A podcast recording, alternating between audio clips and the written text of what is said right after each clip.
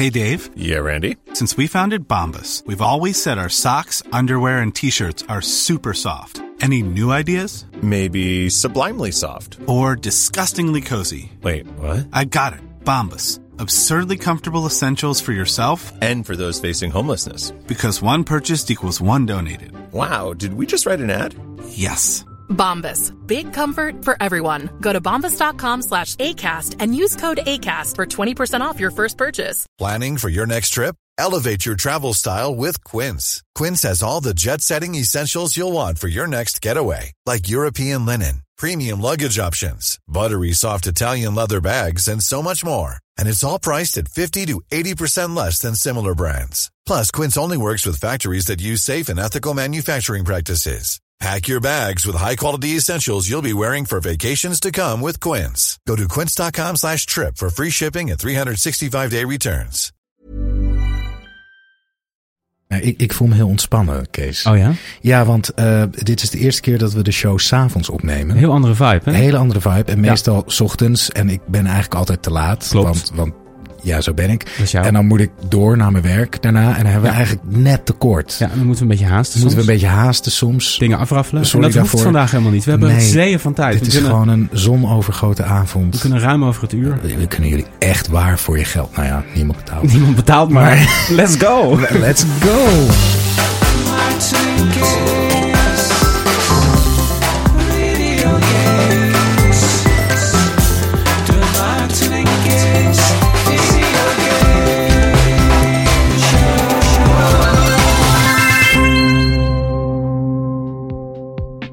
Welkom, lieve mensen. Daar zijn we weer. Welkom, daar zijn we weer. We, zijn, eh, we zijn er weer om eh, over videogames te praten. Yes, we're back to Ik, talk eh, about it. about the games. About the all of them. All of them. Mijn naam is Kees Groenteman. Mijn naam is Maarten Heijmans. Ja, en welkom, lieve luisteraars. Ja, we hadden weer een mooi, mooi weekje achter de rug. Mooi weer. Heel mooi weer. Niet echt game weer. Nee, maar dat maakt eigenlijk niet Zijn de vuilniszakken nog tegen het raam gegaan? Ehm, nee, ik, ik kroop dan gewoon in mijn bed met de Switch. Met de good old Switch. Met de Good Old Switch. Ik Ja. vind het toch altijd wel gezellig om hem zo eh, klein te hebben. Heb ook. je echt de, de OG Switch? Ik heb de OG Switch. Ja, precies. Met, Ja. De, met, de, eh, met de, wat is het, blauwe en rode Joy-Con. Blauw-rood. Ik heb ook Oh ja, en de drift. We hadden het er al even over De gehad, verschrikkelijke drift. Maar Daar- ik heb nu, dus dat is echt de event van mijn week. Ja. Ik heb van een van mijn zeer dierbare lieve vrienden een, ehm, een, een joypad gekregen. Oh, een wauw. Pro Controller voor de Switch. Oh, nice. Dus no more drift, baby. no more drift. En hoe zit je dan in bed? Zit je dan met de Switch en een Pro Controller Nee, in bed? dan zit ik dus te toch driften. met die, dan zit ik toch, toch te driften. Ja, Ja, lig je te driften ja. in bed. Maar voor mijn tv heb ik nu eindelijk die Pro Controller. En ik denk, oh, had ik hem maar eerder. Wat een heerlijke controller. is Fijn, hè? Ja, ik, echt ik, fijn. ik moet zeggen, ik heb geen Pro Controller, maar ik heb een, een, soort van eh, vergelijkbaar eh, apparaat. Een 8-bit Do eh, Pro Controller. ja, precies. Ik had Eh, hem net vast. Ja, ja. heel fijn ding ook. Maar eh, ja, nee. Eh, ik, ik ben toch ook wel echt... ja, Joy-Cons lastig. Maar volgens mij is dat al langsgekomen in die allereerste aflevering. Zeker. Dat is ook alweer een tijd geleden, want we zitten al heel geleden. aflevering 5. Wauw. Ja, ook, fi- Fijn dat jullie er nog zijn. Ja, precies. Ik wil even vijf. de, de lieve mensen die alle vijfde afleveringen, alle vijf hebben Ja. geluisterd, even in het zonnetje zetten bij Ja, deze. We Ja. weten wie jullie zijn. We weten jullie. We zien jullie. We zien jullie. Ja, we bekijken jullie. We stalken jullie. Ja, we We zijn, vinden jullie we geweldig. zijn er altijd. Ja. Ehm, goed. Eh, dus er werd, eh, wat werd er deze week gespeeld? Tears of the Kingdom. Ja, het, het wordt gewoon... Ik denk dat dit, dit jaar bij mij gewoon is bij deze rubriek. Wat hebben we gespeeld? Tears of the Kingdom. Ja, precies. Ik heb verder niks gespeeld. Nee, nee. En zijn er nog nieuwe inzichten eh, langsgekomen? Ehm, ja, dat ik het gewoon een ontzettend leuk spel vind. Ehm, en dat ik, ik was eerst heel erg, toen ik, als je dan begint op de Sky Islands, was ik zo, nou, ik wil naar Hyrule, ik wil naar beneden. En nu ben ik eigenlijk de hele tijd, als ik in Hyrule ben, denk ik, ik wil, ik wil weer naar boven. Wel naar boven. Ik wil alles daarboven uitchecken. ja. ja. Ik, ja, ik, ben, ik ga weinig naar boven eigenlijk. Eh, onderweg, zeg maar, vanuit een... eh, als ik dan weer een, een regio heb unlocked, zeg maar, de map van een regio heb unlocked, dan word je zo uit zo'n toren geschoten en dan heb je heel veel mogelijkheden om Mhm. ergens te landen. Eh, en dan vaak loop ik even rond en denk ik, hmm, wat, wat is de bedoeling hier? En dan ben ik toch ondertussen weer op weg naar iets anders. Maar wat, wat is volgens jou precies de... Wat is de essentie van die Sky Islands? Ik vind het best moeilijk te, te doorgronden. Eh, zeg maar, de depths is heel duidelijk. Hyrule is ook helder. Die Sky Islands, het is een soort mix van ja, soms zijn er puzzels. Er loopt af en toe een, een soort van bos rond. Ja, veel baasjes. Baasjes, Ja. ja. van, die, van die blokkenbazen. Blokkenbazen. Ehm, maar bedoel je eh, eh, dramatisch gezien wat de functie is van die Ja, nou gewoon of- qua gameplay ook. Van wat, wa- waar, wa- wat trekt jou dan naar boven? Om, als je zin hebt om, om zo'n bos te verslaan, of is het... Is het, eh, eh, Het, het uitzicht eigenlijk. oh ja, Want ik, ik vond bij Breath of the Wild eigenlijk altijd heel mooi als je hoog bent. Als je op de Tweelingberg staat Mhm. of de, eh, de Mount Doom en daarvan afglijdt. Ja. En nu heb je gewoon, nu kan je gewoon tien keer zo hoog. Ja. Ik, vind het, ik vind het geweldig om gewoon naar beneden te kijken. En Ja. oh, daar is dat en daar is dat. Ja, het uitzicht. precies. Ja, ja, nice. Ja, en, en die zo, zonoïde shit eh, Ja. verzamelen is toch erg handig altijd. Ja, dus eh, om, om dingen te bouwen. Ja, lekker tools krijgen. Ja. Ja, ik, ik ben dus nog niet zo eh, van ehm, de benedenwereld. De, de, de depths. De depths. Ja. ja, ik ben er nu wat meer geweest. Maar ik, het, het, het ligt denk ik aan de, aan de plekken waar ik ben geweest. Ik vind het een beetje saai. Ja. Het is donker. Ja. Het is heel groot, maar een beetje boring. Ja, dat is het ook wel. Het is heel leeg en het is best wel eentonig. Maar ik vind de enorme uitdaging of zo die eronder zit heel, eh, heel spannend. Het is, e- je gaat echt op een, op een expeditie als je Ja, daar naartoe gaat. ja. Je moet voorbereid zijn. eh, je moet een beetje een plan hebben. Ja. Je moet genoeg eh, items hebben die je overeind houden. En Ja. Het is niet die, die soort van absolute vrijheid die je boven hebt. Om maar gewoon een richting op te lopen. En dan kom je sowieso altijd iets tegen. Dat heb je daaronder niet zo.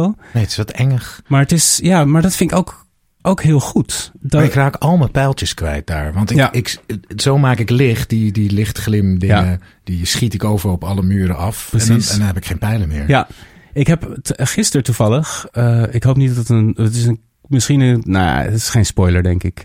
Er is een manier om heel veel pijlen te, te ruilen tegen bepaalde items waar je veel van Oh. hebt. Zal ik Oh. daar eh, een, een doekje over? of een- we- in welke regio? in, de, in, de, in de Rito-regio. Oh, Ja. daar ben ik al geweest. Ja, precies. Oh. Nou, er is iemand daar in het dorp waarmee je kan praten. Die, eh, die ruilt pijlen voor bepaalde eh, spulletjes waar je veel van hebt. Voor wat dan? Voor bright cap vissen.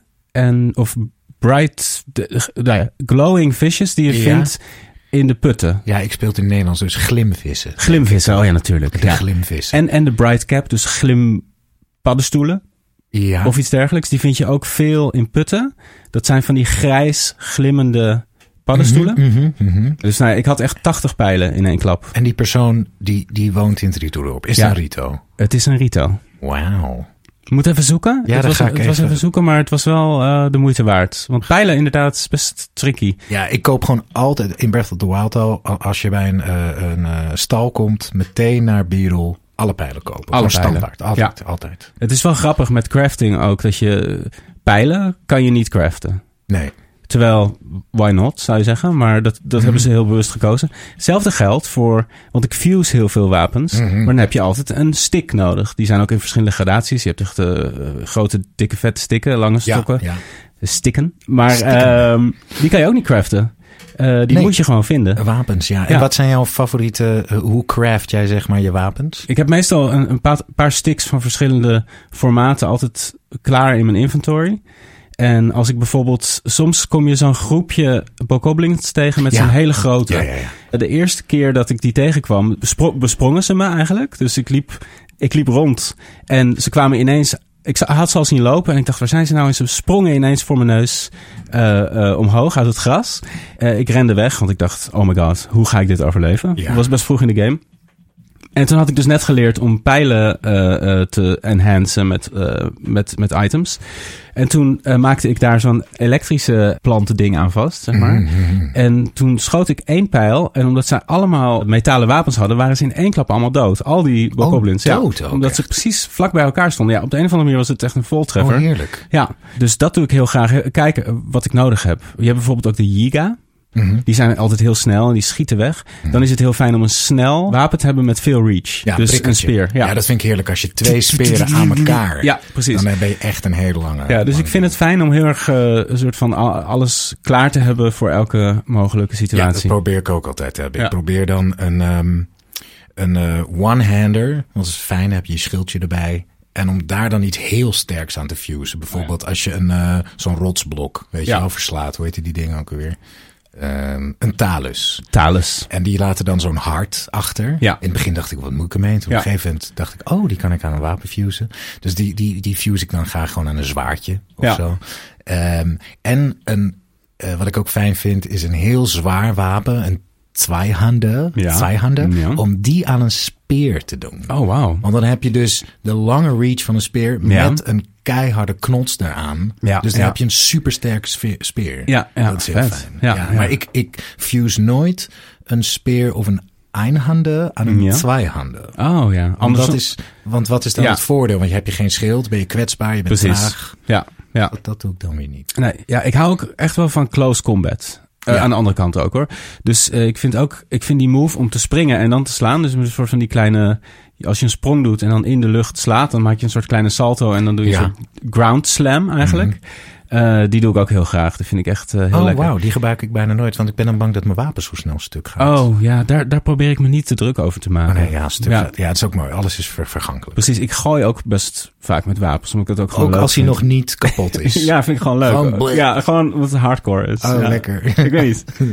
Hardcore. Ja, hardcore. Twee handen werven. Twee handen werven. Wat ik ook fijn vind is de oplaadaanval met een speer.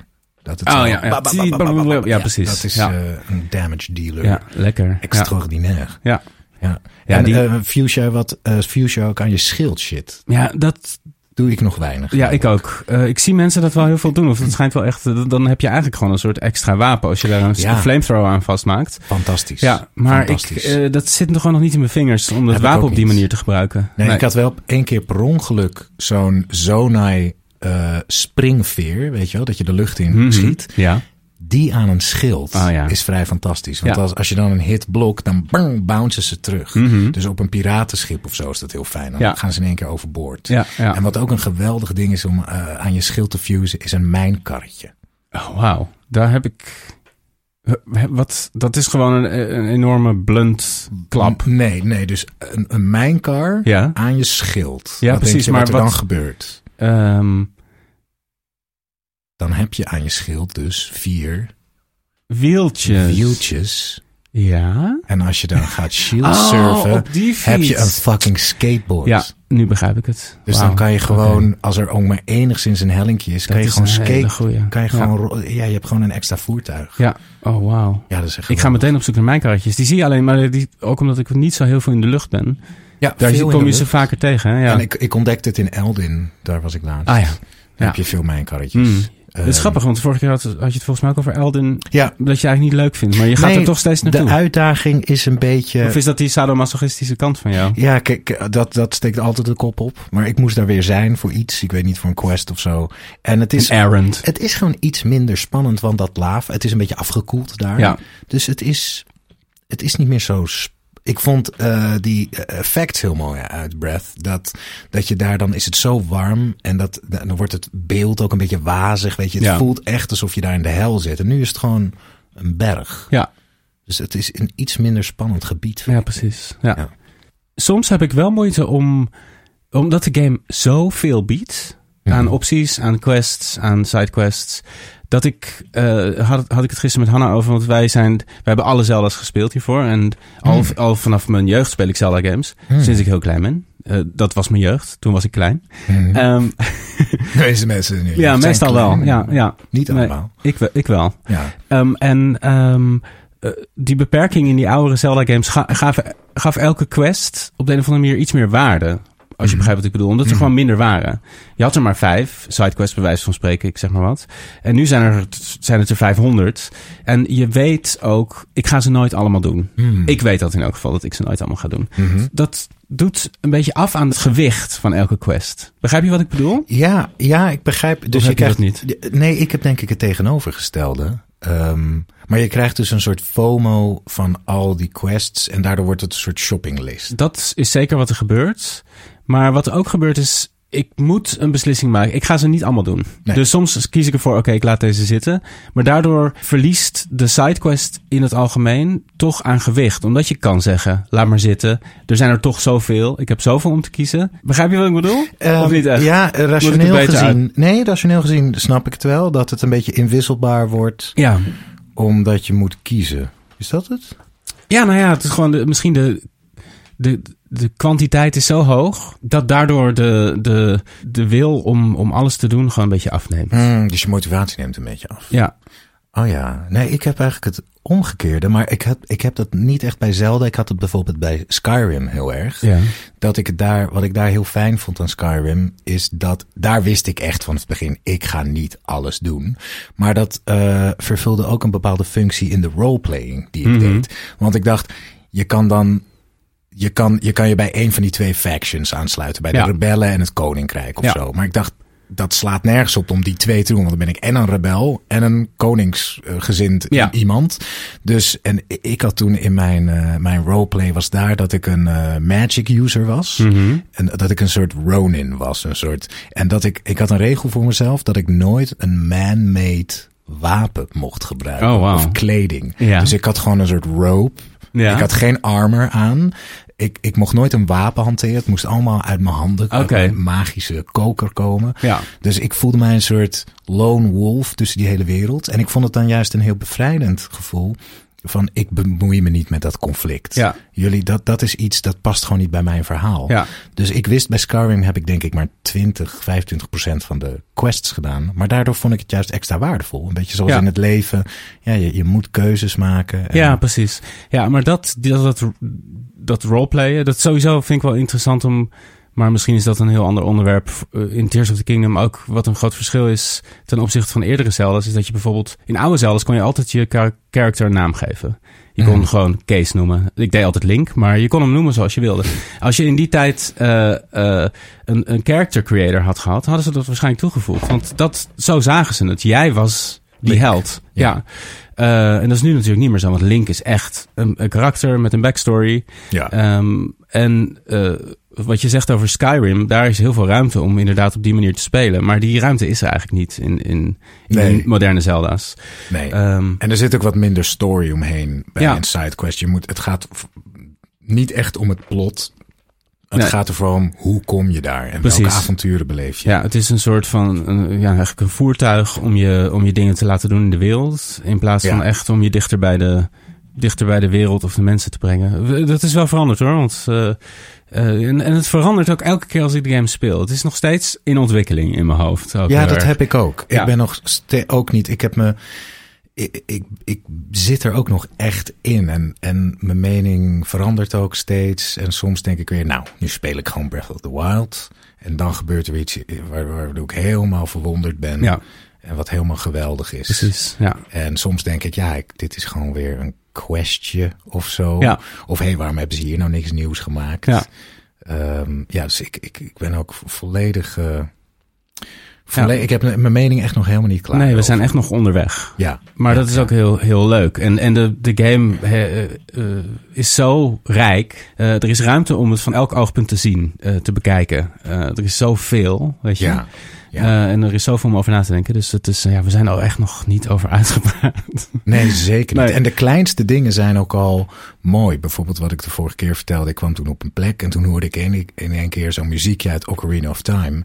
Dat is zoiets kleins, maar daar ben ik dan Ja. wel heel blij mee op Ja. moment. Terwijl in een andere game, ja, je zou ook gewoon kunnen zeggen, zoals bijvoorbeeld in van die Marvel films. Ja, dat is gewoon een stukje fanservice. Dat maakt die film echt niet beter. Dat dat personagetje even in zit. Maar toch voor, Klopt, Ja. het voelt niet als fanservice. Terwijl dat natuurlijk, het is het, het is het. Want dat is het, zijn dat soort dingen altijd een beetje.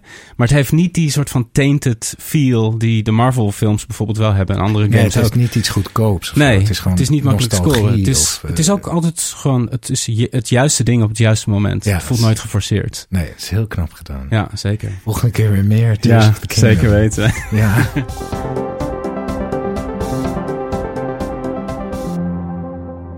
Ik heb Planet of Lana uitgespeeld. Daar heb ik het vorige week ook over gehad. Yes. Eh, ik was een beetje ziekjes, dus ik heb eh, lekker een, eh, een ochtend op de bank gezeten. Het is dus niet een hele lange game, maar het was een perfecte state of mind eigenlijk om deze game uit te spelen. Heeft me eigenlijk wel weer. Ik was een beetje lauw vorige keer. Ik ben nog steeds niet echt heel erg, heel erg super hot. Maar ik vond het wel echt een. een uh, uh, toch wel heel mooi, ge, mooi gedaan allemaal. Het is dus een, ja, een soort cinema. Of hoe, hoe noem ik het? Filmische platformer. Hmm. Beetje in de, in de stijl van Limbo en Inside. en ja, het, het kwam toch wel samen. En voor een vier uur durende game heeft het me echt wel uh, voortdurend uh, uh, geboeid en vermaakt. Dus hmm. ik kan hem toch wel echt aanraden. Helemaal, hij staat op Game Pass. Als je PC of Xbox Game Pass hebt, dan zou ik hem zeker checken. Is dat ook al voor PC, Game? Ja, ja ik, speel, ik, speel, ik heb geen Xbox. Ik heb een Xbox, een vorige generatie Xbox. Maar ik speel alle uh, Xbox Game Pass uh, of Game Pass games op PC. Ja. Oh, dat kan gewoon. Maar ja. bijvoorbeeld um, Xbox exclusives die op Game ja. Pass staan, kan je dus ook op PC doen. Zeker, ja. In de eerste plaats eigenlijk zelfs. Ja, alles wow. komt, alle, uh, alle Microsoft first party exclusives zijn allemaal first day gratis. Of gratis, niet gratis, maar ja. die staan op Game Pass. Ja. Voor een tientje per maand, 20 ja, euro per nou ja, in mijn zo. geval 3 euro, want ik heb een soort conversietruc gedaan. Die kan ik wel uit de doeken doen. Dus een beetje een technisch verhaal. Ja, maar Oké, okay, uh, gaan we het daar even over hebben. Ja. De Game Pass conversietruc. Oké, okay, ik ga het zo goed mogelijk proberen uit te leggen. Yes. Je hebt verschillende tiers van Mhm. Game Pass. De laagste tier is niet eens Game Pass, maar is Xbox Live Gold. Mhm. Met Xbox Live Gold kan je online spelen tegen je vrienden. En krijg je twee games per maand gratis, maar die zijn meestal heel matig. Mhm. Belangrijk is dat Xbox Live Gold uh, heel goedkoop is. Helemaal als je het... Uh, je kan maximaal drie jaar kopen in één klap. Volgens mij heb ik daarvoor 110 euro betaald. Voor drie jaar. Het ding is, als je Xbox Live Gold hebt... en je koopt dan één maand Game Pass... dan wordt die hele periode Xbox Live Gold omgezet naar Game Pass. En de duurste tier Game Pass is Game Pass Ultimate. En dan heb je dus Xbox, PC en cloud gaming. En ik heb dus voor 100, dus plus één maand Game Pass, dat is een tientje. Dus voor 120 euro drie jaar Wow. Game Pass Ultimate. En dat is gewoon, dat is niet illegaal of iets. Eh, Nee, Microsoft gewoon- legt het zelfs uit op hun site. Als je gold hebt en je koopt één, wordt alles... Ja, Wat goed. ja, het is geweldig. Wat goed. Ja, Ja, en dat- ja. eh, ik was ook blij dat het nu net, want het was net afgelopen. Mijn, mijn afge, ik heb vorige ronde had ik twee jaar gekocht. Eh, Er waren geruchten dat het zou worden afgeschaft, want dat is best wel logisch ook. Eh, mensen die het weten, die blijven het natuurlijk doen. Maar heel veel mensen weten het gewoon niet, want het is toch een beetje omslachtig. Ja, nee, het is echt een topdeal. En straks als Starfield uit, uitkomt, maar ook dit soort games. ja. eh, er staan zoveel geweldige games op, op Eigenlijk eh, alles Game staat Pass. op honderden ja, games, toch? ja, echt. Ja. Dus als ik nu een... Ik weet niet eens wat een nieuwe Xbox is. Zeg maar de Xbox, de tegenhanger van de PS5. Hoe heet die nu? De Xbox Series X. Xbox Ah, Series De, X. de tegenhanger van de PS4 was de Xbox One, toch? Ja. Ja, het is zo verwarrend bij de Xbox. ja, is het, ja. Dus de Xbox Series X, als ik die nu koop... En ik koop die, ik doe die truc van jou, dus de 120 piek. Dan Ja. heb ik gewoon drie jaar lang toegang tot de hele library. Jeetje, dan ga ik denk Mhm. ik misschien wel een Xbox kopen. Ja. Ik, Jeetje, wat een, wat een rare deal. ja, Dat doen ze echt veel fijner dan, dan, dan PlayStation. Ja, dat- gewoon dat twee is- games per maand. ja, eh, precies. En sowieso dat. die tiers zijn ook heel... Ik heb geen PlayStation 5, dus ik weet het niet meer precies. Maar ze hebben dat hele systeem aangepast. Ik had destijds Ja. wel PlayStation Plus. Dat was best Ja. overzichtelijk. En toen hebben ze een nieuw systeem ingevoerd met heel veel verschillende tiers. Het is nu een soort Netflix, en er staat, maar er staan niet zo heel, ja, er staan weet ik veel, iets van tach- 200 games of zo op. Maar wel heel veel crap ook. Ehm, maar ik heb het ook niet eens zo goed bekeken hoor. Nee. Nou, het is, Game Pass is zeg maar in dat soort deals, in dat soort services, is Game Pass absoluut de beste die je kan, eh, die je kan aanschaffen. En is het dit echt zo'n, een eh, topdeal. Dus- Slim verdienmodel. Net als, weet je wel, eh, maand pas koop voor de bioscoop of Ja. OneFit. Dat heel veel mensen kopen het en die gebruiken het eigenlijk niet. Nee. En dat geld blijft maar binnenstromen. Ja, precies. Ja. Slim hoor, Microsoft. Mhm, Goed ja. gedaan. Maar goed, pak ze dus. Want ja, eh, pak, pak hem. doe die deal. Doe die deal. Check het even, conversion, weet je. En ik ben niet verantwoordelijk voor als het misgaat. Dus, Ja, eh, of als je game verslaafd wordt. ja. Eh, daarnaast, dus oké, dat ging even over Planet of Lana. Een klein u- uitstapje. Plan of Lana, ja. Een mooie game. Ik heb ook nog Metal Hellsinger gespeeld. Ken je die game? Heb je er wel eens van gehoord? Never heard of it. Ehm, Metal Hellsinger is een first-person shooter. Mhm. En het is net als Hi-Fi Rush, waar ik het een paar weken geleden over heb. Is het die game dat je in, de, in het ritme moet Precies. schieten? Ja, ja dus het is een, een, eh, echt een, een ja, de aesthetics zijn totaal metal. Je bent in de hel Vet. en je bent oh ja, Fallen Angel die haar stem kwijt is. En in plaats eh, van, van zingen ga je gewoon iedereen neerknallen Moet eigenlijk. Op de maat van metalmuziek. Dus je wordt gewoon gedropt in een soort van hellscape. En je begint Vet. rond te lopen en er is een beat. En je begint te schieten met je, Wat met je vet. simpele wapen in het begin. En eh, schoten die op de maat aankomen bij je tegenstander, bij, je, bij de duivel die je beschiet, Ja. eh, die, die komen harder aan. Eh, en zo bouw je combo's op en langzaam vind je meer wapens. En het vette is dat gaande, het zijn echt levels, heel lineair. Eh, en gaandeweg dat je het beter doet. Dus als je meer combo's scoort, als je meer steeds beter op de maat gaat schieten, dan komen er lagen in de muziek bij. Dus het begint Oh, dus met, de met een soort basic, een beetje generic eh, beat. En dan komt er een riff bij en dan komen er strijkers bij. En als je dan het hoogste, het toppunt bereikt, dan komen er vocals bij. Dus dan komt er Oh. ineens zo... Oh, dan en, eh, nou ja, Zo'n grunter. ja, grunten. Of gewoon van die hele dramatische... eh, weet je wel? Nou ja, dat niet per se, maar je begrijpt wat ik bedoel. Die hoge... Dat is dan je beloning. eh, In ieder Ja. geval. Maar is het, is het echt ACDC? Nee, nee dat het soort is shit? echt, het is meer, ja, het is gewoon een genre waar ik niet heel erg in thuis ben. Maar bijvoorbeeld de zanger van System of a Down heeft Ja. een track eh, gezongen. Oh, geweldig. En dat zijn ja, echt, echt van die ja, bands die nu in het metal en ja, ik ken al die subgenres niet, maar het is echt, Ja, ja, ja, ja. die, Maar die echt de. System of a Down hoek. Ik durf eigenlijk niet zo goed te zeggen welke hoek. Nee, ik moet heel erg denken aan de soort van de, wat is het, Evanescence en eh, het is best wel melodisch. Ja, ja. Eh, maar sommige, de grunten is ook wel echt eh, een ding. Dus het verschilt ook een beetje per track. Vet hoor, nummer. klinkt wel iets als... eh, als Heel vet. En het is ook, ja. we hadden het een tijdje geleden over, over ontprikkelen. Maar dit is voor mij echt wel een ervaring waarbij ik juist zo word opgezogen door wat er gebeurt in, op mijn oren en in mijn ogen. Dat ik helemaal vergeet wie ik ben en wat ik aan het doen ben in het leven. Of welke prikkels er ook bestaan. Ja. Buiten de game. Je bent gewoon alleen maar Ja, ja, keiharde flow. ja, ja. Het, het is wel zo. Op een gegeven moment wordt het best wel pittig. En het moeilijke is dat je dan eigenlijk nooit echt heel erg geholpen wordt. Je, bent, je wordt pas geholpen als je goed bezig bent. Als het niet zo lekker gaat, dan blijf je dus heel erg hangen in die soort van mellow, niet opzwepende vibe. Het is ook heel erg ge- gebaseerd op high scores. En je hebt echt zo'n global high score lijst die je altijd ziet als je klaar bent met een level. En eh, Mm. je kan een paar keer een level overdoen.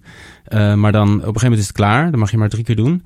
En dan moet je helemaal opnieuw beginnen. Maar zo'n level duurt soms een kwartier om, om doorheen te komen naar de eindbaas. Dus soms is het wel van, oh man, moet ik weer helemaal vanaf nul beginnen. Mm. Maar goed, het is echt wel, echt wel heel vet. Mm. Ja. Vet, het klinkt echt wel eens iets, eh, als iets wat ik wil spelen. Het Ja. doet me een beetje denken, dat vond ik, dat is een oude classic, dat vond ik een erg gaaf spel, Brutal Legend. Heb Oh, je ja. dat gespeeld? Eh, nee, ik heb het nooit gespeeld, maar ik ken de studio wel goed die het heeft gemaakt. Ja, Ja, Double Fine, eh. Tim Schafer. Ehm, echt een heel erg leuk spel uit 19... 19 uit 1976.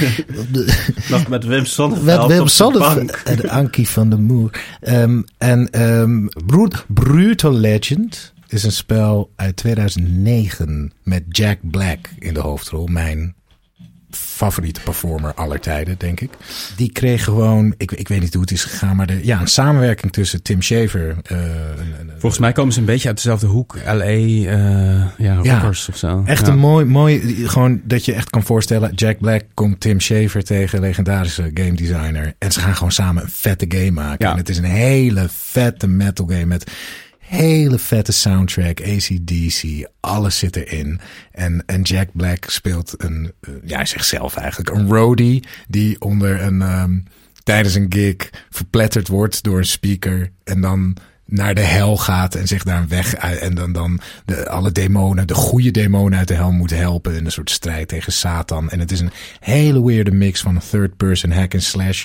Maar het wordt dan, na tien uur, wordt het ineens een RTS. Oh, wow. Dan is het ineens een strategy game. En dan moet je zeg maar de, al, alle forces of hell die je hebt eh gerecruit. En ga je dan nog wel terug naar die soort van action-adventure-achtige vibes? Ja, want dat wordt dan gemixt. Dus je loopt in third person over het slagveld. Wat je dan met een druk op de knop ga je zo naar Oh, wauw. boven. En dan kan je je troepen aanvoeren. En dan kan je weer inzoomen om tussen die troepen te vechten. En eh, geweldig game. Maar metal, metal leent zich zo goed voor games. Want Ja. het is zo theatraal. En Ja. zo... eh, ja, eh, Ja, het, het, het heeft een enorm ja, meeslepende theatrale vibe inderdaad. En het, Ja. en het heeft een, een soort van het pomp. Het pompt, Ja, het- weet je wel? En dat, dat, ja, dat kan je echt goed gebruiken. ze zouden nog eens een, eh, ze zouden eigenlijk een game moeten maken van de, de Rocky Picture Horror Show. Oh ja. Dat zou eigenlijk best wel een leuke Hmm. game opleveren. Ja. Nou, doe er wat mee wat je wil. Ja, doe er mee. Ja, pak, eh, pak, developers. pak het en neem het mee. Pak het neem het mee. Nou, dat was het. Dat hebben we Dat, gespeeld dat hebben we gespeeld. Het onderwerp wat wij vorige week lieten liggen, eh, maar omdat het zo'n groot onderwerp is, onze schaamgames. Dat zijn games, eh, ja, niet, eh, ja, het is een beetje een combinatie. Nee, dat is helemaal niet. Je denkt een soort eh, guilty pleasures. Dat is niet onze schaamlijst. Ja, dat zijn heb ik juist- ook van mensen gehoord. Van, hè, ik dacht guilty pleasures. Maar ja, nee, dat is not Nee. correct. Het zijn juist games waarvan je denkt, echt classics, die een belangrijke rol hebben gespeeld in de gamegeschiedenis, die je nooit hebt gespeeld. ja. Ehm, ik, ik, ik ben bijvoorbeeld zelf helemaal niet van Call of Duty. Zijn. Nee, ik heb, ik heb wel Modern Warfare 1 en 2 gespeeld. Zeg maar 15, wanneer was dat? 2008 en 9 volgens Hmm. mij. Eh, dat vond ik wel goede games in de singleplayer. Maar vooral om de theatraliteit. Zeg maar de shooting mechanics zelf vind ik saai ja. omdat de poppetjes, eh, ze blijven spawnen. Je moet de hele tijd choke points afgaan. Ah ja. En denk ik, ik lig hier gewoon in een greppel een uur Ja. Duitsers af te knallen. Dat Ja. vind ik raar. Ja. Dat Dus- is het ook. Ja. Ja, Ik vind het ook gewoon een onaantrekkelijke eh, wereld. Ik weet niet. ja Het de- is zo bro-achtig. Ja, en, eh, Precies. Ik voel me daar totaal niet thuis in. Dus- Nee, nee, heb ik ook. Maar het zijn wel goed ontworpen games. Ik bedoel, dat kan niet anders. Anders dan zouden ze nooit zo succesvol zijn. Nee, Maar absoluut. goed, die hebben we allebei eigenlijk nooit gespeeld. Ja, we hebben wel een soort lijstjes gemaakt. Op jouw lijstje stond bijvoorbeeld... Maar zal ik gewoon aftrappen? Trap hem af. Eh, ook, eh, ja, typisch bij dit spel. Trap hem af. Ik trap hem af. Rocket League. Rocket League. Ja, het is niet echt een, een mijlpaal in de gamegeschiedenis, maar wel een spel dat echt eh, zo- zo'n soort pure gameplay is en physics. dat ik er echt, ik ben er echt een tijd heel erg veel mee bezig geweest. Ja. Het begint ook echt. Is een, even kort uitleggen wat het is. Het is een game uit 2015 van Psyonix. En het is voetbal met auto's. Dat is het in een arena waarin de bal niet eh, het veld uit kan gaan. Eh, en je auto kan springen en kan op de muren rijden. En je speelt in de soort van basisversie met drie tegen drie auto's.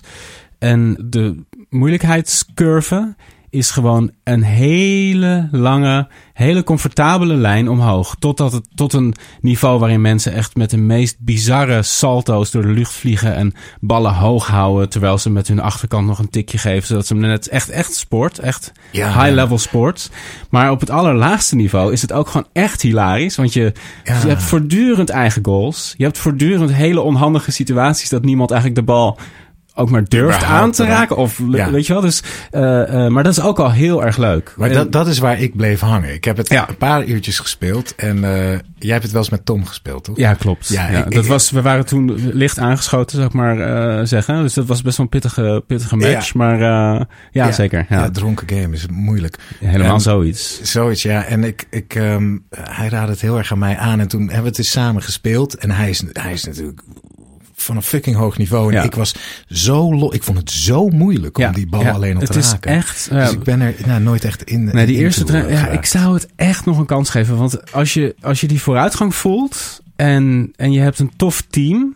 En je hebt het gevoel dat mensen eh, eh, een beetje weten wat ze aan het doen zijn. En je weet zelf een beetje wat je aan het doen bent. Dan gebeurt er echt iets. En Ja, dan verdwijn ja. je echt in de, in de simpele gameplay. Daarnaast vind ik ook de, de esthetiek van de game ook heel aantrekkend. Het is echt zo gamey als maar zijn kan. Het is een soort van neonkleuren. Alles glimt heel erg. Je kan je auto maar rare stomme hoedjes en wielen geven. Eh, iedereen ziet er belachelijk uit. Het is van die afschuwelijke transmuziek voortdurend. Die ik echt meteen uitzet. Maar past wel. Want je, het heeft een soort rare, ja, een soort arcade feel die je niet zoveel meer ziet in games. Het is heel erg puur in dat opzicht. Ja. En de physics, de gameplay, de besturing van die auto's is gewoon zo goed getuned. eh, dat het, als je eenmaal een beetje het gevoel hebt dat je die auto een beetje kan besturen op de manier waarop je wil. Dat je echt hele lekkere mastering hebt over het voertuig. Dus Ja, ik kan me dat wel heel goed voorstellen. Dat die synergie met vrienden, eh, Ja. als je het samen met vrienden speelt. En het feit dat de physics zo goed, ga- zo goed zijn, dan kunnen er echt wondertjes gebeuren. Zoals ook in echt voetbal. Dat Ja. je echt, nou, deze bal. Ja, en je hebt ook situaties dat je, dat je achter staat en dat je echt het gevoel hebt met je team van oké jongens, we gaan er nog tegenaan. En, want ik heb alleen maar met randos gespeeld eigenlijk, bijna alleen maar. Mhm. Eh, en dat was eigenlijk ook een hele goede ervaring. Het chatsysteem is ook heel simpel. Je hebt gewoon eh, op je D-pad kan je bepaalde Mm. eh tekstjes doen. Dus eh well done, what a save, Mhm. nice, weet je wel. Nice. Dus ja, het voelt heel, heel veilig in dat opzicht. En soms heb je wel wat gekken die dan wel met een keyboard beginnen te, te, te klagen van hey, what weet je wel. Maar goed, dat zet je dan heel makkelijk uit. En, Ja, ja. Want ja, online games heb je toch al heel vaak te maken met, met dat soort figuren. Het is ook echt de enige game die, ooit die ik competitief online heb gespeeld. Oké. Eh, ja. verder heb ik daar helemaal niks mee. Maar bij Rocket League, eh, ja, ik weet niet, voelde dat heel goed. Mm. Ik, ga, ik moet Die. het nog een kansje Ja. geven. Doe het. Ja, ja, zeker. Wat heb je nog meer van mijn schaamlijst wat je aanraadt? Ehm, nou, ja, een game die ik echt... Die staat eigenlijk bij mij op één, vind ik. Voor jou om te spelen is Yakuza 0. Yakuza 0. Ja.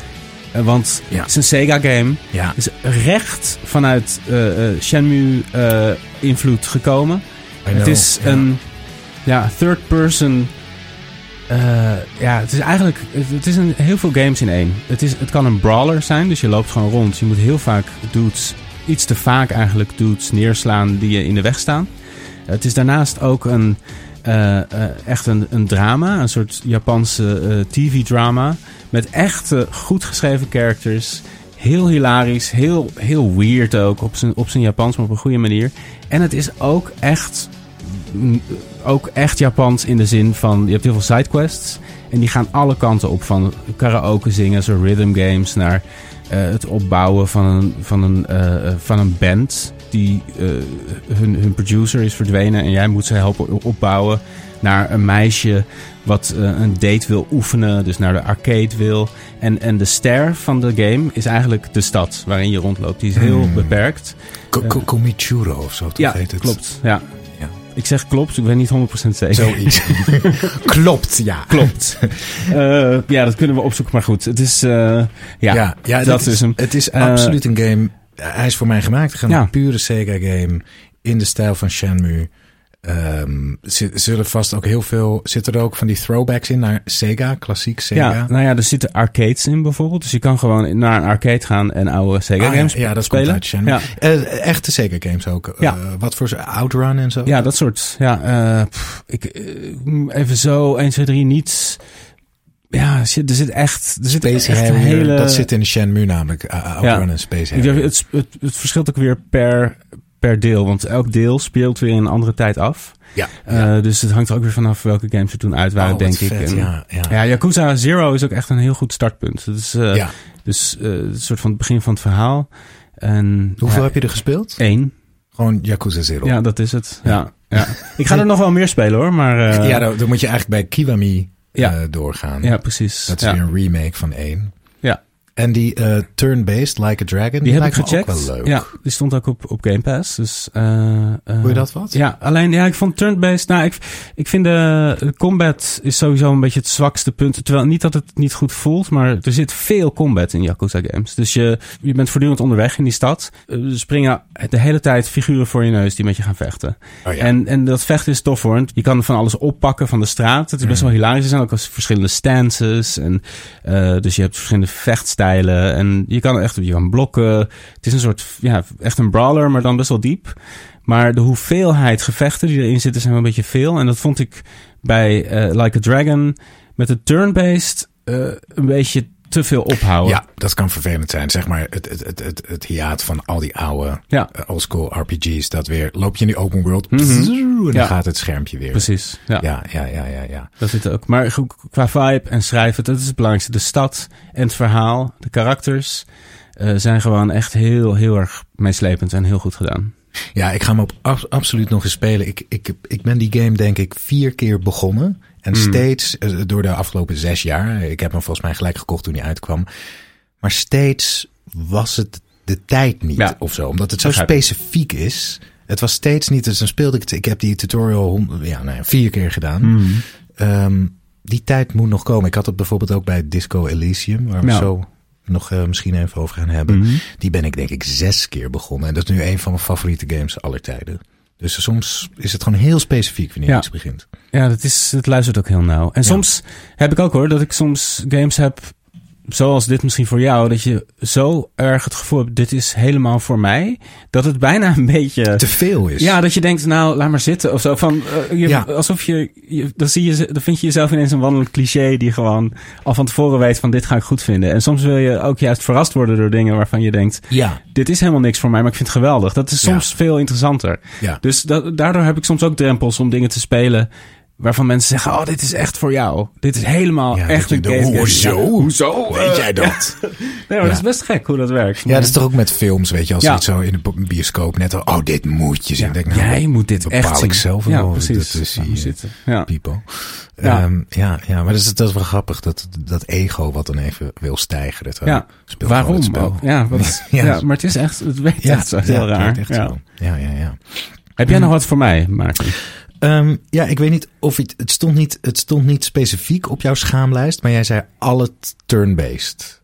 Eh, of meer strategy, Ja, strategy. toch? Want ja. turn-based RPG's hou je Zeker. Ja, ja, ja. Ehm, ja, het stond ja, XCOM 2. Ja. Dat, dat, maar ja, het stond eigenlijk niet echt op je schaamlijst. niet uit. Maar ik vind het toch leuk om het erover te hebben. Ja. Dat is namelijk een van mijn favo's aller tijden. Ik vind het ontzettend leuk om over XCOM 2 te praten. Ehm, ik wist helemaal niks van XCOM toen ik dat speelde. XCOM eh, is een strategy turn-based ehm, ja, strategy game eh, uit 2015. Ehm, ik weet de developer niet eens. Volgens mij Fireaxis. Nee, Ja, ik weet het niet. Ja, Fireaxis, Fireaxis. En ik kocht hem een beetje, nou, hij was in een aanbieding op PSN of weet ik veel. Ik, ik kocht hem ergens. Het is een van de meest engaging games die ik ooit heb gespeeld. Dat ik echt heb geschreeuwd met open mond. Dat ik God heb bedankt voor een overwinning. dat ik Mhm. echt, ach, ehm, ja, waar begin ik? Het, het, het is het.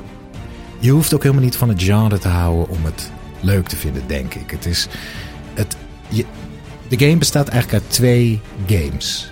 Aan de ene kant heb je dus gewoon de eh, turn-based eh, combat. Het is een, eh, gewoon een typisch aliens veroveren de aarde. En jij bent zeg maar de last stand van humanity. Ja. Onder leiding van een generaal. En eh, maar ja, de last stand van humanity. Dat zijn, allemaal, het zijn allemaal van die sneaky missions. Want jouw team bestaat uit max zes personen. Dus het zijn allemaal kleine missies. Waarmee je dus kennelijk de hele aarde moet beschermen met zes soldaten. Ehm, dus je hebt gewoon die turn-based eh, eh, eh, combat. Wat Ja, daar, turn-based is, het is best wel schaakachtig, toch? Want we hadden het over Advance Wars. Daar lijkt het ook heel erg op, toch? Die- ja, met verschil dat een game als Into the Breach, zeker Into the Breach, speelt altijd af op een schaakbord, letterlijk. 8 Ja. bij 8. Ja. En dat maakt Into the Breach zo goed dat het, al die mapjes zijn binnen vier beurten te winnen, zeg maar. Mhm. Maar XCOM 2, de maps zijn eh, gigantisch. Dus je moet echt een hele basis infiltreren. En Mhm. dit, de missie kan ook echt wel twee uur duren. Ja. En ehm, de, de mate van succes is namelijk eh, of je iemand raakt met je pistool, geweer, sniper. Het is allemaal eh, percentage-based. Dus wat het zo ontzettend spannend maakt, is dat je bijvoorbeeld je, ehm, je sniper helemaal naar perfecte plek hebt gedaan. Die moet dan het schot eh, lossen. Want bijvoorbeeld één alien bedreigt je, je, je, je grenade mannetje.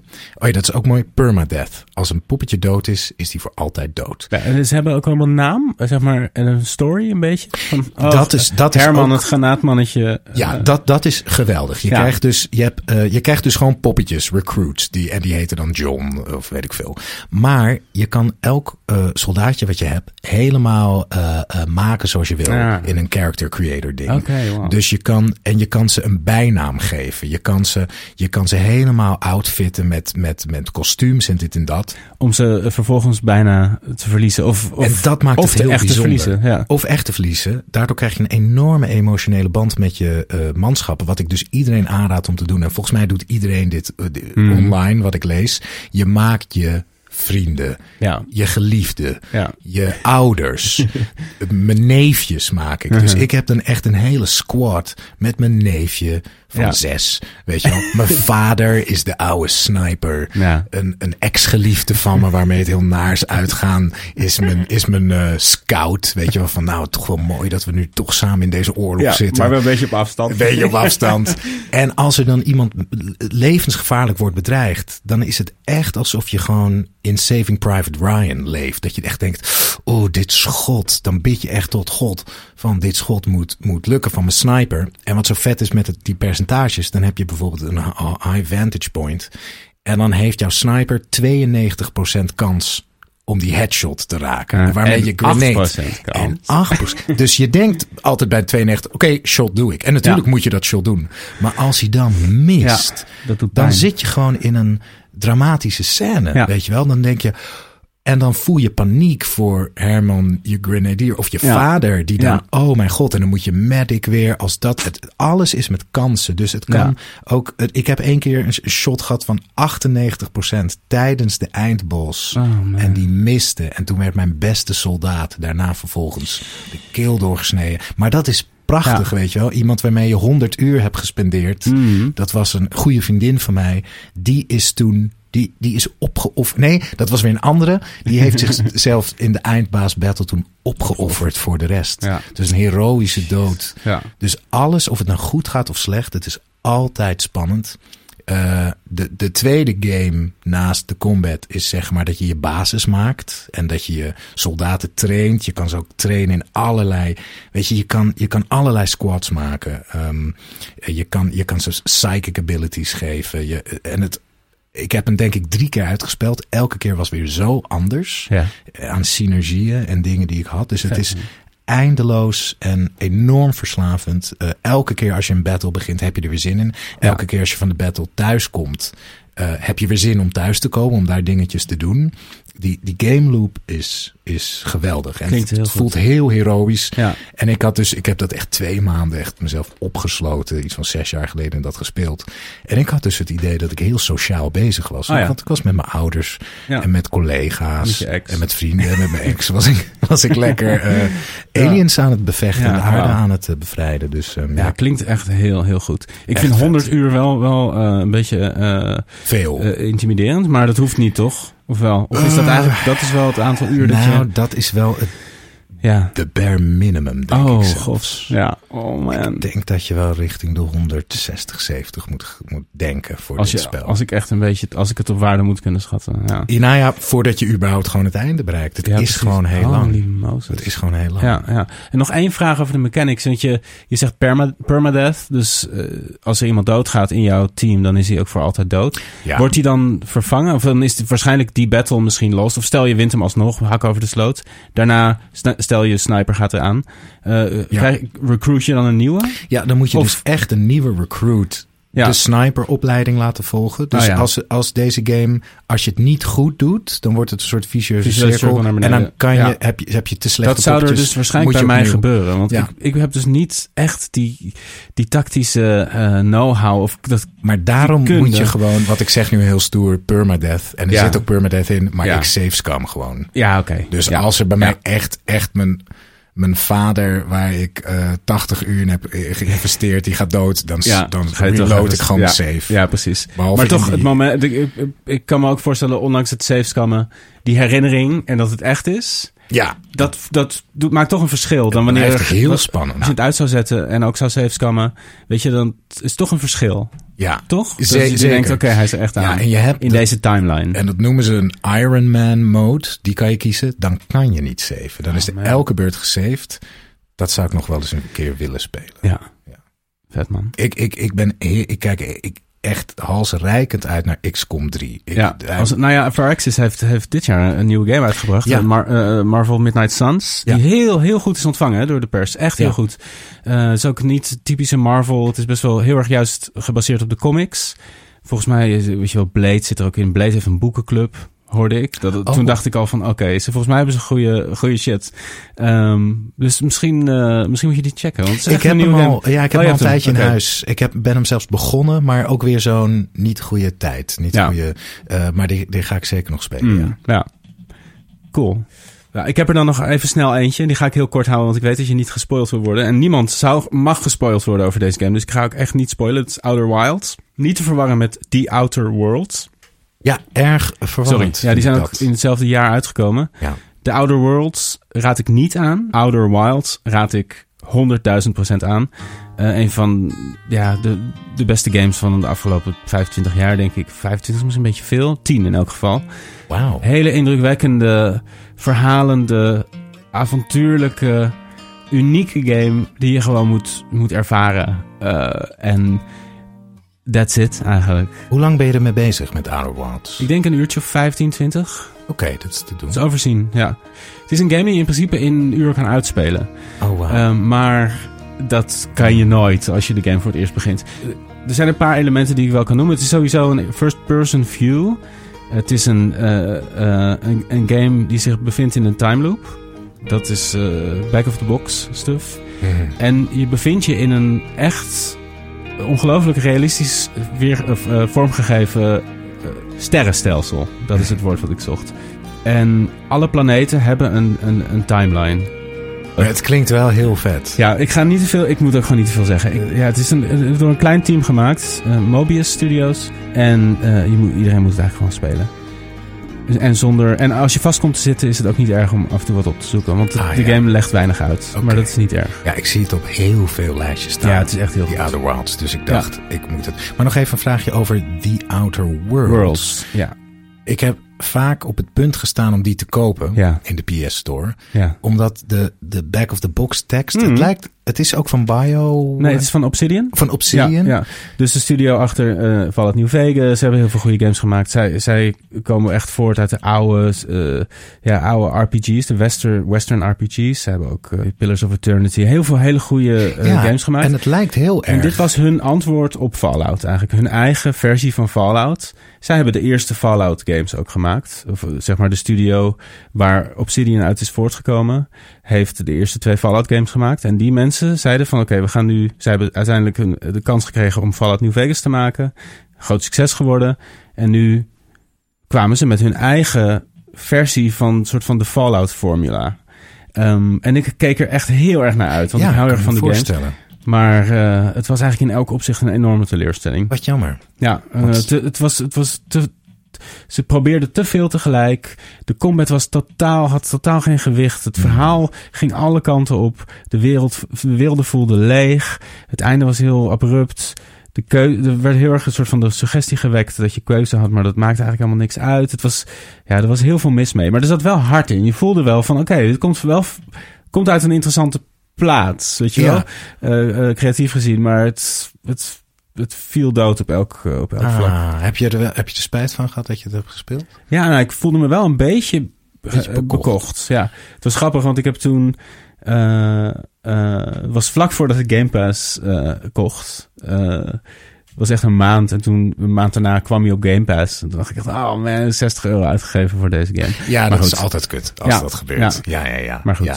Maar soms kan het ook, vind ik, heel leuk zijn. En jij, jij vindt het ook volgens mij. Dat, dat een, een gemankeerde game kan ook heel interessant zijn. Ja, ja, maar in dit geval was het vooral gewoon echt... eh deed gewoon een beetje pijn. Ja, een beetje dat van, je oh, zo- ik wil dat het klaar ja. is. Dit is gewoon echt slecht. Eh, ik heb hem wel uitgespeeld, hoor, maar... Ik vond, het, Ja. ik vond er eigenlijk gewoon bijna niks goed aan. Het was echt, echt problematisch. Ja, het kan. Maar de goodwill voor de studio is zo groot dat mensen een beetje maar hebben gezegd van... Nou, oké, we Mm. vergeten deze game een beetje. En eh, volgende week is er een Xbox-presentatie. Want zij zijn nu onderdeel van, van de Microsoft stal. Mhm. Ehm, en het zou kunnen dat ze een nieuwe game eh, aankondigen. Zou me niks verbazen. Maar dat is weer een fantasy game. Meer het antwoord op Skyrim. Wat zeg maar de het zusje is van, van Fallout. Dus steeds maar antwoorden ja, op andere precies. dingen. Kom Ja, op. en ze hebben, dat vind ik twee hele fantastische games, de South Park games gemaakt. Ja, klopt. Obsidian. Ja. En die zijn, ja, ik als South Park fan, Mhm. Heb je die gespeeld? Ja, ik heb de Stick of Truth eh, gespeeld. of Truth, Niet ja. uitgespeeld, maar wel veel. Genoeg gespeeld om goed... eh, ik ben ook een grote South Park fan, dus Ah, het ja. was, Nou, dat was toch- smullen. Ja. Is toch smullen? Ja, Want ze hebben gewoon een game gemaakt die het, als je voorbij loopt, een scherm, iemand die dat speelt, dan, dan denk je gewoon dat het is de show. ja, Het is zo goed gedaan. Ja. En ook gewoon het script door helemaal van, van Trey Parker en Matt Stone. precies. En ik vond het tweede deel ook erg geweldig. Ja, Ehm, leuk verhaal over de titel. eh The Fractured Butthole. Butthole. Ja. Dat is toch geweldig. Dus Ja. zij wilde, zij hadden als naam voor de tweede South Park game The Fractured Butthole. Ja. De gefractuurde, het gefractuurde eh, Bilgat. eh, anusgat. Maar dat mocht niet van de censuur en van weet ik veel wie om op de markt. Dus toen hebben ze ervan gemaakt The Fractured Butthole. Nog veel mooier. Ja. Zo, dat is gewoon poëzie. Ja. En dan verdien je alles wat, wat je toe hoort te komen. Ja. En het was een, ja, ik vond het echt een geweldig spel. Ja, zeker. Nee, ze, ze, maken hele goede shit. Ja. Obsidian. Die Outer Worlds hoort daar niet bij. Het is echt niet... Ja. eh, maar dat mag ook, vind ik. dat mag ook. Je mag ook misschieten. En het was Ja. waarschijnlijk ook helemaal niet hun bedoeling om deze game zo uit te brengen. Dat gevoel heb ik ook heel erg. Nee, en, eh, Dat is het nooit namelijk. Nee, Eh, en dat voelen ze waarschijnlijk al een jaar voor release. Ja. Maar ja, goed, het moet uitkomen. En zo'n stressvolle business lijkt me het. Zeker, ja, het is verschrikkelijk. Ja, Ja. En gamers zijn ook gewoon verschrikkelijk in hun kritiek, kritiek keihard. Ja. En, en die eisen altijd het allerbeste en willen precies wat zij willen. Dat moet ook in de game komen. Dus, Verschrikkelijk toxic. ja, echt, eh, echt eh, ja. Terwijl als je een game Lame. koopt, als je nu Oh. kijkt wat je krijgt voor je geld. Als je kijkt, Ja. als je op iTunes een liedje voor 1 euro, heb je een liedje. Ja. Weet je, eh, dat vind ik eigenlijk al absurd. Ik bedoel, qua, je krijgt zoveel voor je geld. Ik bedoel, een liedje, om een goed liedje te maken in een studio Ja. en te produceren, bla bla. Betaal je 1 lousy euro voor. Of En- niks op Spotify. Of, of helemaal, ja, 0,00001 kwart cent. Precies. Maar een, een game die je koopt voor 60 euro, daar zit een muziekalbum in. Eigenlijk een soort, een film zit erin, een boek. Ja, Er zit architectuur in, er zit character design, er zit kostuums in.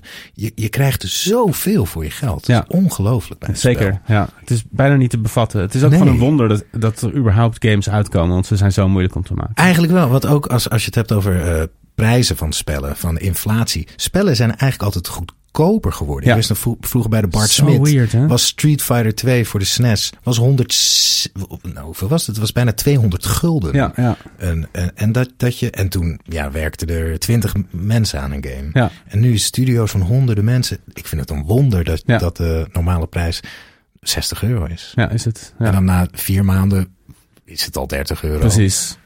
En een jaar later is het in een Steam sale 9,95. En, eh, ja, nee, het is, eh, het is een bizarre. Het is een medium is, is, Ja, is ik snap te, niet hoe het raar voor economisch werkt Nee, ik ook niet. Nee. Ja. Goed. Eh, Outer Wilds. Ja, gewoon, gewoon spelen, die handel. Ik moet hem spelen. Ik Ja. moet hem echt spelen. Ja. ja, ja. ja. Nou, dat zijn we een beetje door onze Ja. zijn. Yes. Yes. We gaan door. Dan is het nu tijd voor het nieuws. Nieuws. Nintendo onthult pastelkleurige Joy-Con controllers. Meta Quest 3 aangekondigd. De VR-headset komt uit in september en zal rond, en zal rond de 550 euro gaan kosten. Street Fighter 6 en Diablo 4 scoren hoog bij critici, bij critici en fans. Mm. Ja, dat was het nieuws. Eh, Nintendo onthult pastelkleurige Joy-Con controllers. Nou ja, wordt wel tijd. Ik vind het ook best wel bizar dat Nintendo eigenlijk maar heel weinig... Ze hebben een paar special editions van Joy-Cons. Maar je zou zeggen van, doe gewoon het hele, de hele regenboog. In Maar dat hebben ze toch? Ik heb het Nou idee dat, dat je elke kleur wel mee. Maar ja, pastelkleurig bijvoorbeeld nog niet.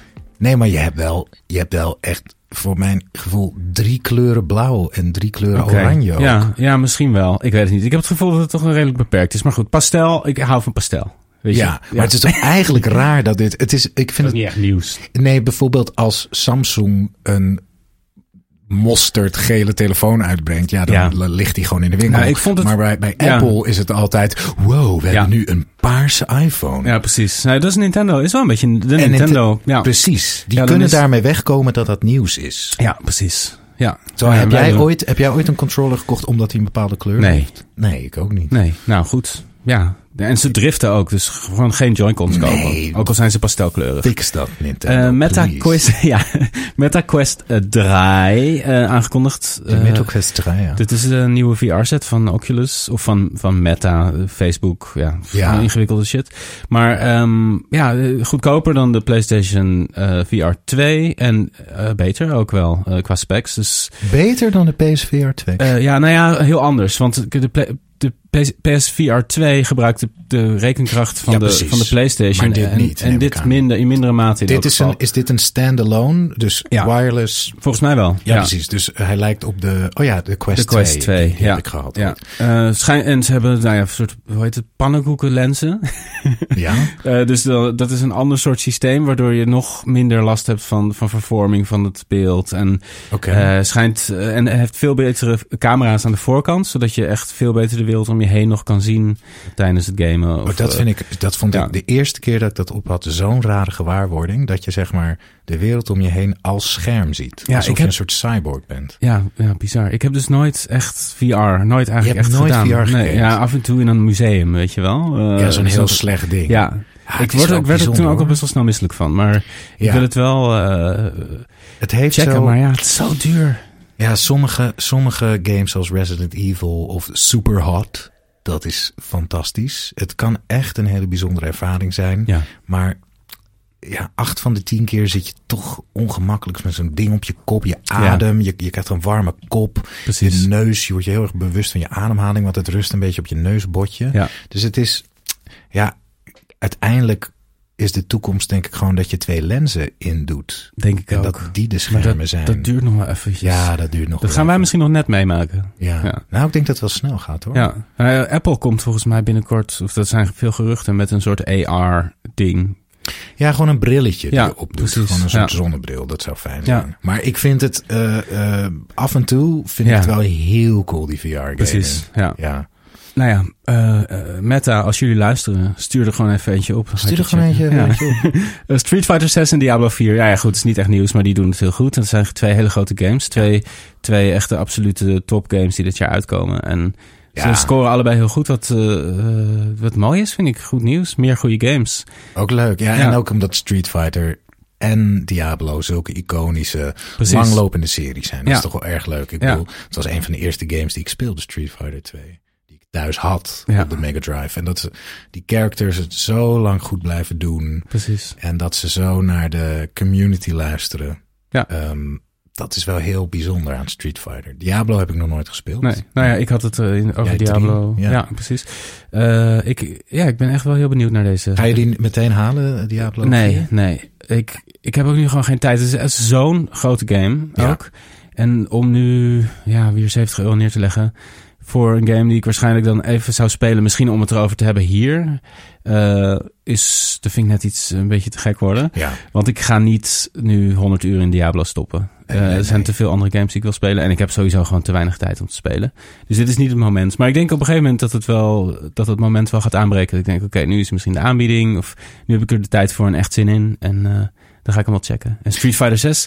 Ja, ik heb nog nooit echt eh, fighting games, eh, laat staan Street Fighter gespeeld. Dus eh Ah, interessant. dan hadden we, het, hadden we het eigenlijk bij de schaamgames ook wel even misschien Oh ja, nu. nou dan Ja. kunnen we even een bruggetje Ja. toch nog even naar de schaamgames.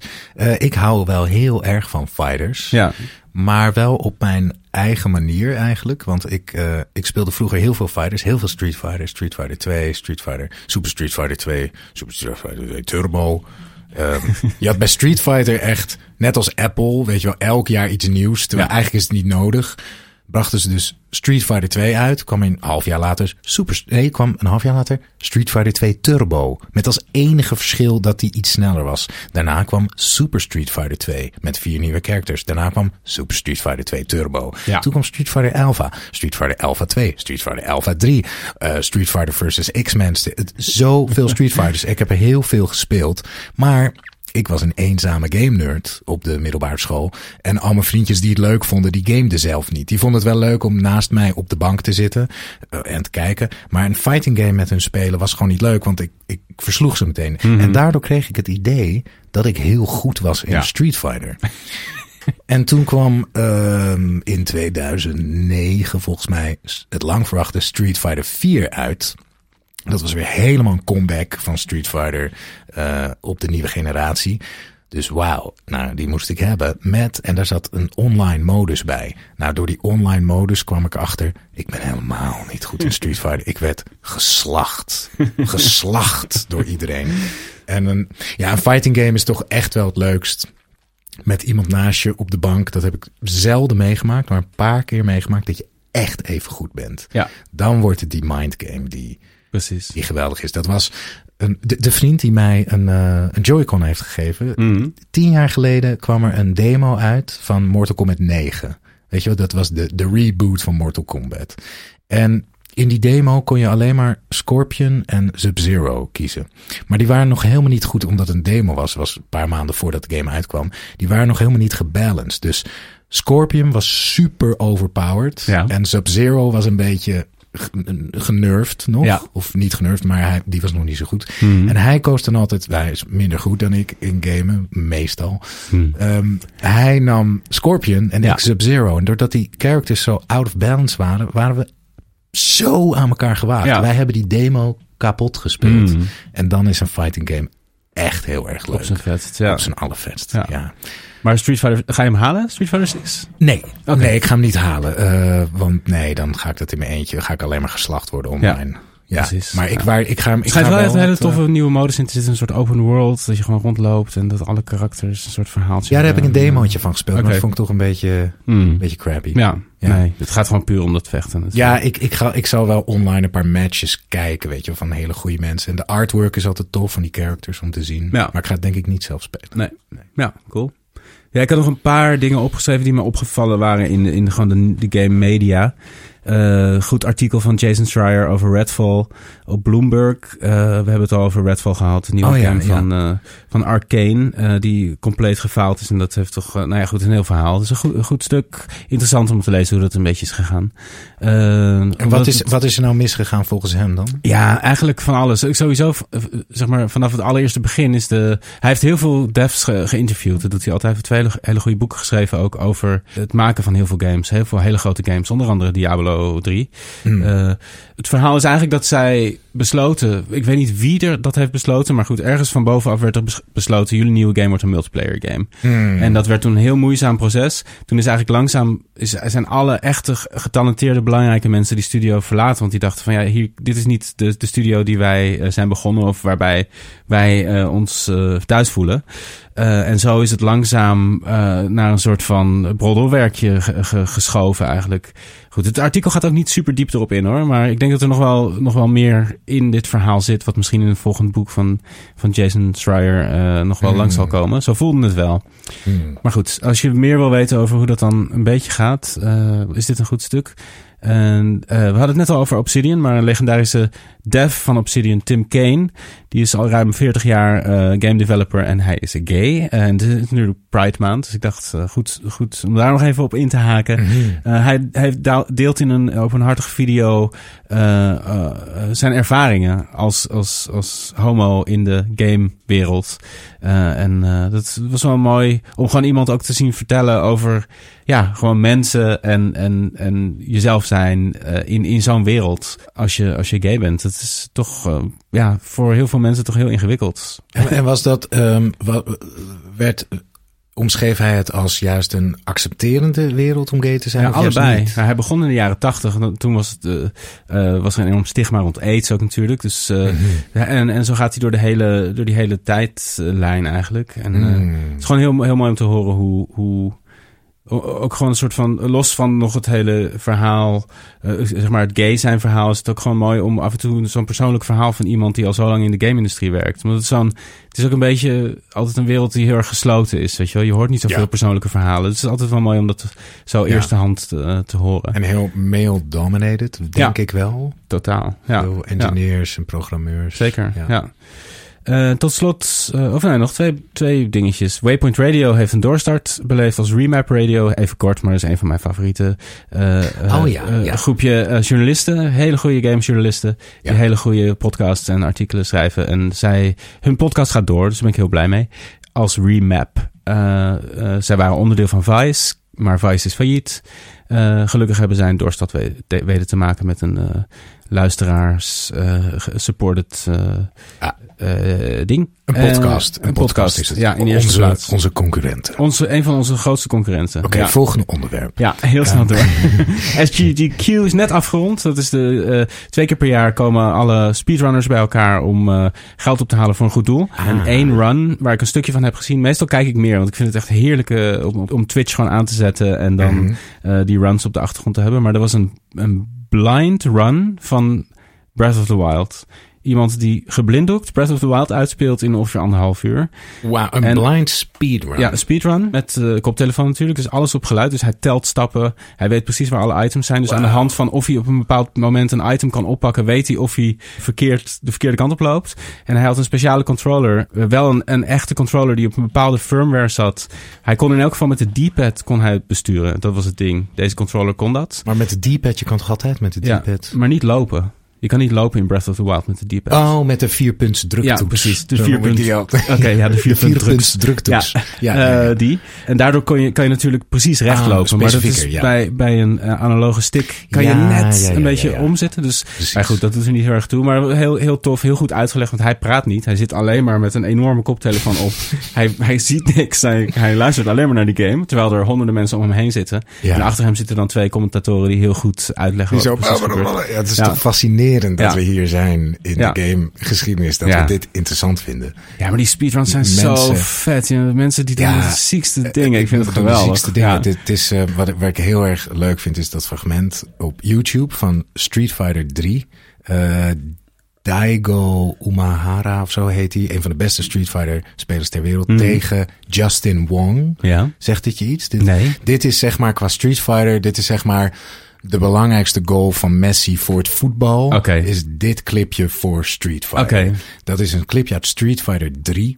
Waarin een van de twee spelers doet een soort super attack bij de ander. En, dat is, en, en, die, en die ander heeft nog maar één streepje, één streepje leven over. Dus dat is eigenlijk gewoon de dood voor Ja. die ander. En diegene krijgt het voor elkaar om die hele combo, echt 20 hits, allemaal te blokken. En één blok in Street Fighter 3 is al zo... Ik, het is mij nog nooit gelukt. Nee. Eén zo'n blok. Laat staan 20 van die attacks blokken in een super combo. En hij doet dat. En, de, en het is echt de finale, de final championship. En de hele zaal gaat uit zijn dak. En, die, en dat is, daarmee is die man onsterfelijk geworden. Ja. Door die combo te, te, te blokken. Ja, dat is, dat is gruwelijk. Ja. En dit deed me ook denken, ik zag dat laatst op Instagram. Als het gaat over rare runs doen. Hmm. Een vrouw, die heeft een Instagram account. Ik volg, ik volg dat account. Zij doet de meest weirde Elden Ring runs. Oké. Zij speelt bijvoorbeeld Elden Ring uit met zo'n dance control. Oh ja. En Ja. wat ze laatst deed, dat was echt ziek. Had ze twee Elden, Run ga- eh, Elden Ring games naast elkaar. Ja. Twee schermen naast elkaar. Twee aparte games. Die speelden ze tegelijkertijd. De ene op een controller. De ander op de dance controller. Oh ja. En simultaan speelden ze dat. Dus ze kwam dan uiteindelijk aan bij, eh, bij de eindbaas. Die moesten dus tegelijkertijd in twee verschillende games met de voeten en met de handen verslaan.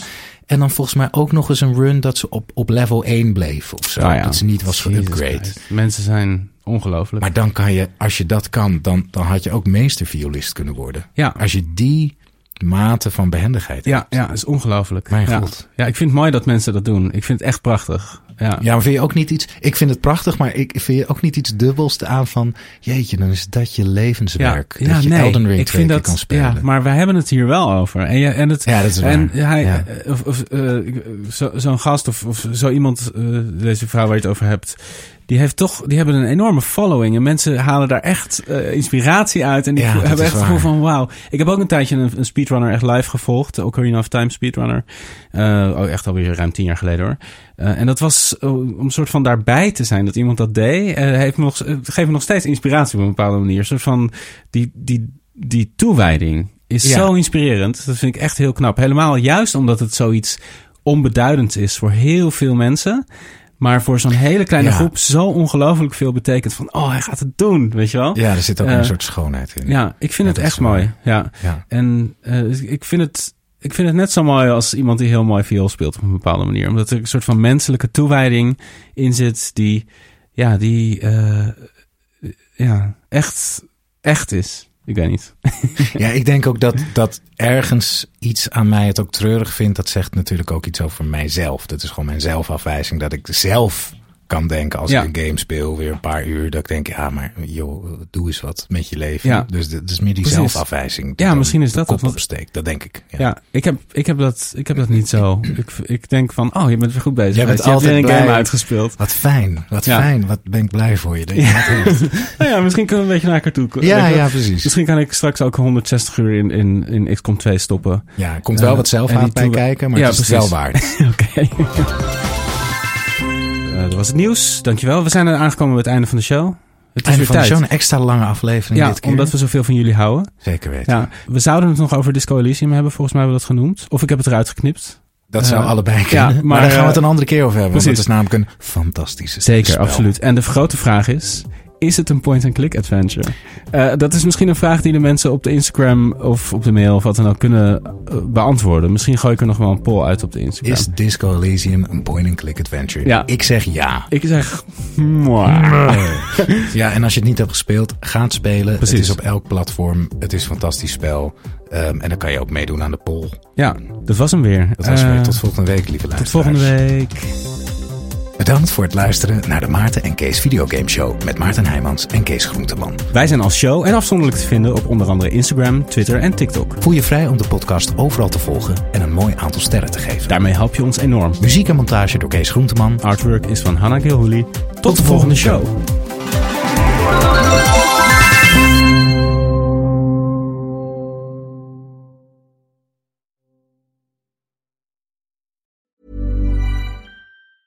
Planning for your next trip? Elevate your travel style with Quince. Quince has all the jet setting essentials you'll want for your next getaway, like European linen, premium luggage options, buttery soft Italian leather bags, and so much more. And it's all priced at 50 to 80% less than similar brands. Plus, Quince only works with factories that use safe and ethical manufacturing practices. Pack your bags with high-quality essentials you'll be wearing for vacations to come with Quince. Go to quince.com slash trip for free shipping and 365-day returns. Planning for your next trip?